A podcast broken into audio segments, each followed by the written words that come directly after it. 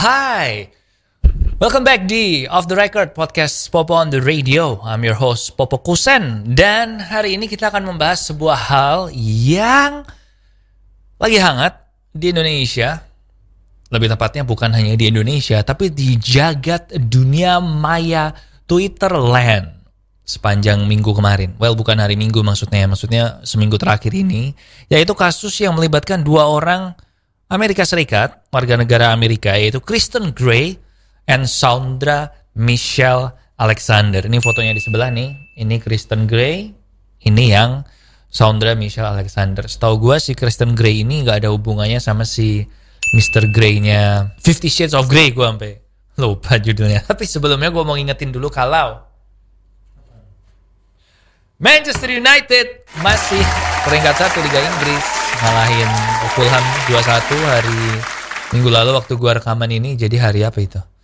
Hari Kamis ya kalau nggak salah. Jadi selama MU masih peringkat satu di Liga Inggris gua akan setiap majang ini ya di pembukaan.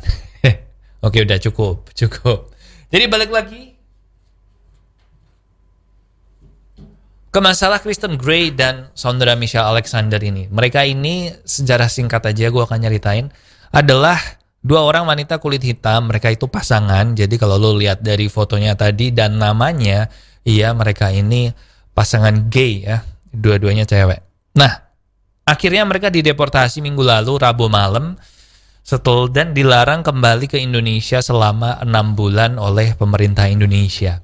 Nah, tentu aja kita bertanya-tanya sebenarnya apa sih? Mungkin lu um, salah satu dari orang-orang yang tahu kalau ada sesuatu yang heboh karena sempat trending kan waktu itu hashtagnya Bali dan hashtag bule Bali atau apa dan tapi lu nggak sempet nyari tahu detailnya kayak apa. Nah hari ini gue akan ceritain. Jadi dua orang ini itu datang ke Bali tahun lalu tanggal 21 Januari 2020 dan itu tentu aja sebelum pandemi ya. Mereka rencananya akan tinggal di Bali selama enam bulan dan selama enam bulan itu kan ada pandemi masuk nih. Kok pandemi masuk? Ada pandemi muncul nih di Indonesia, pandemi COVID-19. Well, nggak di Indonesia, di seluruh dunia nih COVID-19 ini. Dan akhirnya mereka memutuskan untuk memperpanjang visanya di tanggal 22 Desember 2020 dan visanya ini berlaku sampai 24 Januari 2021 atau ya hari ini ya, eh hari kemarin Minggu. Ini sekarang lu nonton hari Senin itu berarti tanggal berapa? 22, 23, 24, 25 iya berarti itu kemarin. Hari Minggu kemarin tuh visanya dia habis. Nah, tapi sebelum visanya habis dia udah di deportasi duluan, men. Oke, okay. Nah, kenapa ini jadi heboh? Kenapa si perempuan ini tuh sebenarnya bikin masalah apa sih di Bali sampai dia akhirnya dideportasi? Nah, ini semua bermula ketika dia nge-tweet di tanggal 16 Januari 2021. Sekarang tweetnya udah dihapus. In fact, si Christian Grey ini juga dia udah hilang di sosial medianya. Dia udah nggak ada accountnya. Antara dia um, nonaktifkan atau di delete sekaligus, gue nggak tahu. Gue curiga sih cuma di nonaktifkan aja ya, karena menghadapi kemarahan dan kecaman warganet itu nggak semua orang bisa kuat men. Jadi dia nge-tweet ini. Gue udah berhasil mengambil screenshotnya dia, tweet-tweetnya dia sebelum dihapus dari Twitter. Uh, bahasa Inggris sih, jadi ini gue terjemahin dikit-dikit ya. Dia bilang dia pindah dari Amerika di usia 28 tahun dan dia ngerasa dengan pindah ke Bali dari Amerika itu membuat hidupnya jadi berubah. Setelah dia tinggal satu tahun lebih di Bali, tadinya mereka cuma pengen enam bulan aja kayak tadi kan, tapi karena pandemi dan akhirnya diperpanjang memutuskan untuk ya udah tinggal dulu di Bali lah menunggu pandeminya selesai.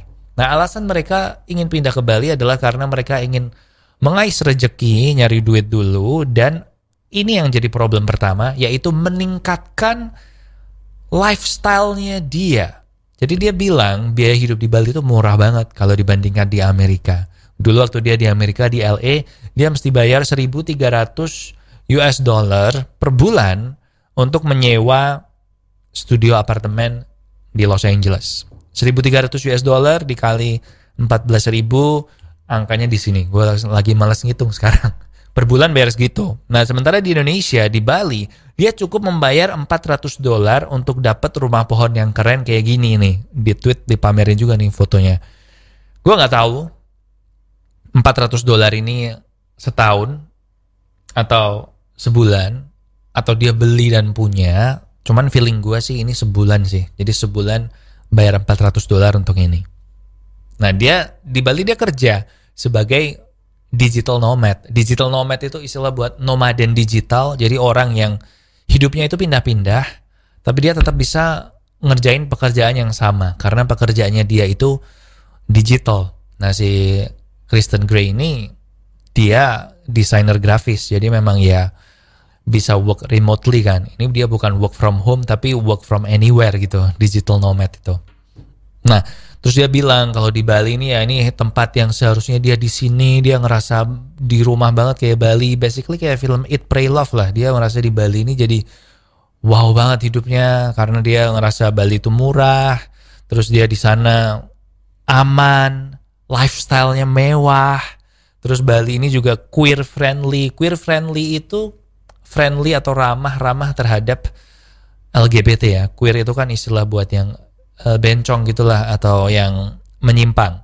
Dan dia ngerasa aman di Bali dan dia di Bali juga ada komunitas Black in Bali yaitu komunitas orang kulit hitam, ekspat-ekspat kulit hitam yang tinggal di Bali. Nah, itu barusan adalah masalah yang keduanya di, yang jadi dia alamin karena dia bilang soal queer friendly-nya itu. Kemudian terakhir, di akhir threadnya ini, karena ini kan dia tweetnya dibikin jadi thread ya. Dia bilang di akhir threadnya, dia menjual ebook Our Bali Life is Yours, yang artinya kehidupan kita di Bali itu bisa menjadi milik kamu.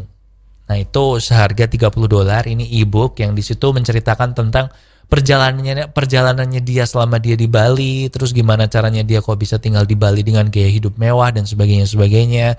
Dan dia juga memberikan link travel agentnya dia yang bisa mengurus visa untuk masuk ke Bali dan ini yang jadi problem selanjutnya yang katanya bisa mengurus supaya orang-orang luar negeri ini bisa masuk ke Indonesia walaupun dalam situasi pandemi kayak gini. Padahal kan kalau lagi pandemi, seingat gue juga Indonesia melarang visa eh, wisatawan asing untuk masuk kan di bulan Januari ini sampai tanggal berapa Januari gitu gue lupa. Dan di luar itu mereka juga mencharge atau menamatok biaya sebesar 50 dolar untuk konsultasi dengan si Kristen Gray ini langsung selama 45 menit tentang gimana caranya sih biar bisa tinggal di Bali kayak dia, bisa jadi digital nomad, tinggal di Bali, aman, dan penghasilannya bagus dan biaya hidupnya lebih murah dan bisa hidup dengan mewah.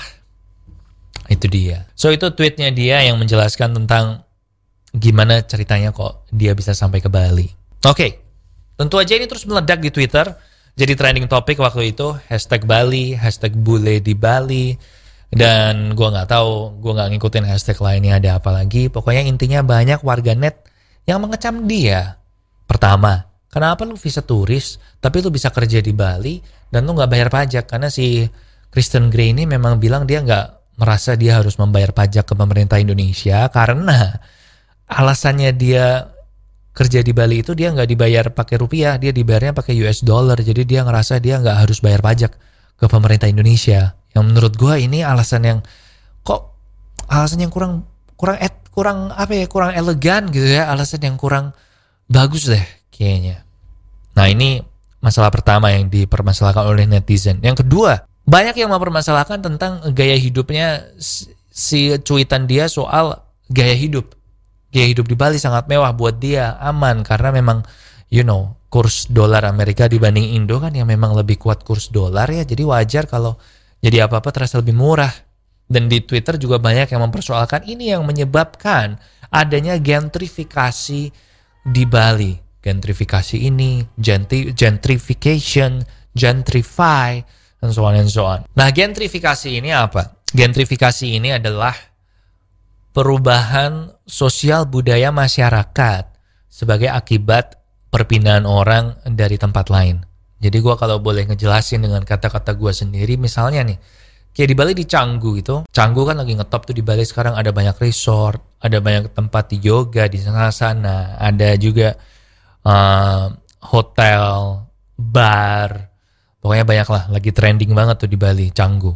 Nah harga tanah di Canggu itu ternyata sejak ada banyak warga negara asing yang datang ke situ membangun hotel, membangun bar, membangun resort, membangun villa mewah, itu harga tanahnya di sana naik 40 kali lipat. Itu mengakibatkan ada banyak warga lokal atau warga negara Indonesia yang jadi nggak nggak mampu buat beli tanah di situ karena harganya udah ketinggian gara-gara ada banyak warga negara asing ini masuk ke situ yang terus meningkatkan nilai propertinya di situ. Nah tentu aja ini berdampak nggak bagus dong buat penduduk lokal di sana karena yang tadinya mereka mungkin hidup dari pertanian, contohnya sawah-sawah di Canggu itu udah makin berkurang aja karena ada restoran, ada bar, ada kafe, ada banyak lah. Nah mau nggak mau orang-orang yang tadinya hidup di pertanian ini jadi harus siap nggak siap pindah ke pariwisata dong. Nah problemnya ini bisa memarginalkan orang-orang lokal yang secara ekonomi mungkin belum terlalu kuat dibandingkan dengan orang-orang asing tadi purely karena memang mata uangnya beda dan belum siap untuk berubah mata pencahariannya mereka jadi kewalahan. Nah ini adalah problem yang juga muncul yang membuat orang-orang banyak protes sama mereka di Twitter. Nah akhirnya singkat cerita dua orang ini dipanggil oleh imigrasinya Brasil diperiksa selama 8 jam dan akhirnya mereka dideportasi. Dideportasinya langsung pokoknya the next available flight keluar dari Bali lo langsung pergi. Dan benar mereka dideportasi Rabu malam minggu lalu. Nah, gue cari-cari artikelnya. Ini artikelnya di sini yang bilang alasannya mereka dideportasi. Judulnya ada empat, tapi gue baca artikelnya berkali-kali. Gue cuma nemu tiga, gue nggak tahu deh. Jadi Pertama, mereka dideportasi karena dianggap menurut imigrasi Bali mereka menyebarkan informasi yang dianggap meresahkan masyarakat, yaitu satu, Bali yang queer friendly atau friendly terhadap kaum LGBT. Itu jadi problem. Dan tentu aja ini memang nggak benar ya, karena di Indonesia sendiri ada ini kan undang-undang anti LGBT kan ya kan. Kayaknya ilegal deh LGBT di Indonesia dan ada banyak undang-undang um, yang RUU yang sedang berusaha untuk diketok paluin yang meminta untuk adanya terapi penyembuhan orang-orang yang LGBT supaya balik lagi jadi normal. Kan ada yang peraturan yang sedang diatur seperti itu kan. Jadi ini nggak benar. Kedua mudah masuk ke wilayah Indonesia pada masa pandemi. Nah ini juga meresahkan masyarakat, gue paham. Karena lagi pandemi kayak gini, kok kita masukin turis asing sih kalau mereka membawa COVID-19 gimana? Apalagi sekarang Indonesia kan di peringkat pertama ya, jumlah kasus maupun jumlah kematian COVID-19 di Asia Tenggara. Jadi ini meresahkan masyarakat juga. Gue juga uh, setuju, gue setuju sama ini, meresahkan. Dan yang ketiga, karena dia diduga melakukan kegiatan bisnis, yaitu melalui penjualan e-booknya dia tadi, dan memasang tarif konsultasi itu untuk wisata di Bali. Dan perlu diingat mereka nggak bayar pajak dan visanya mereka visa turis. Harusnya kalau visanya turis, ya dia nggak boleh kerja cari duit di sini. Dia harusnya di sini tuh visanya pakai visa kerja. Intinya kurang lebih kayak gitulah. Nah si Kristen Gray sendiri sebelum dia dideportasi sempat bilang kalau dia tidak bersalah di waktu diwawancara waktu jalan keluar dari imigrasi kali ya dia bilang dia nggak bersalah karena satu dia tidak melebihi visa masa stay visanya dia. Soalnya visanya dia kan sampai 24 Januari 2021 dan dia juga nggak dapat penghasilan dalam bentuk rupiah. Jadi harusnya kalau dia nggak dapat penghasilan dalam bentuk rupiah dia nggak perlu visa kerja dan nggak perlu bayar pajak juga. Ini gue juga bingung dia dapat info ini dari mana. Dan yang terakhir dia merasa dia dideportasi karena dia LGBT. Karena dia mengeluarkan statement yang menunjukkan kalau dia LGBT itu. Oke, okay, kalau kita lihat dari sini, pertama, kontradiktif sekali ya kalau dia bilang Bali itu adalah tempat yang queer friendly atau bersahabat terhadap LGBT, tapi terus dia dideportasi karena dia LGBT. Padahal kan dia deportasi dari Bali, berarti harusnya Bali nggak queer friendly dong. Berarti dia kontradiktif dong perkataannya dia. Berarti dia juga membohongi follower-followernya dia waktu dia bilang kayak gitu. Cuman gue nggak mau ngebahas lebih lanjut soal inilah. Gue ntar dibilang menyerang dia lagi.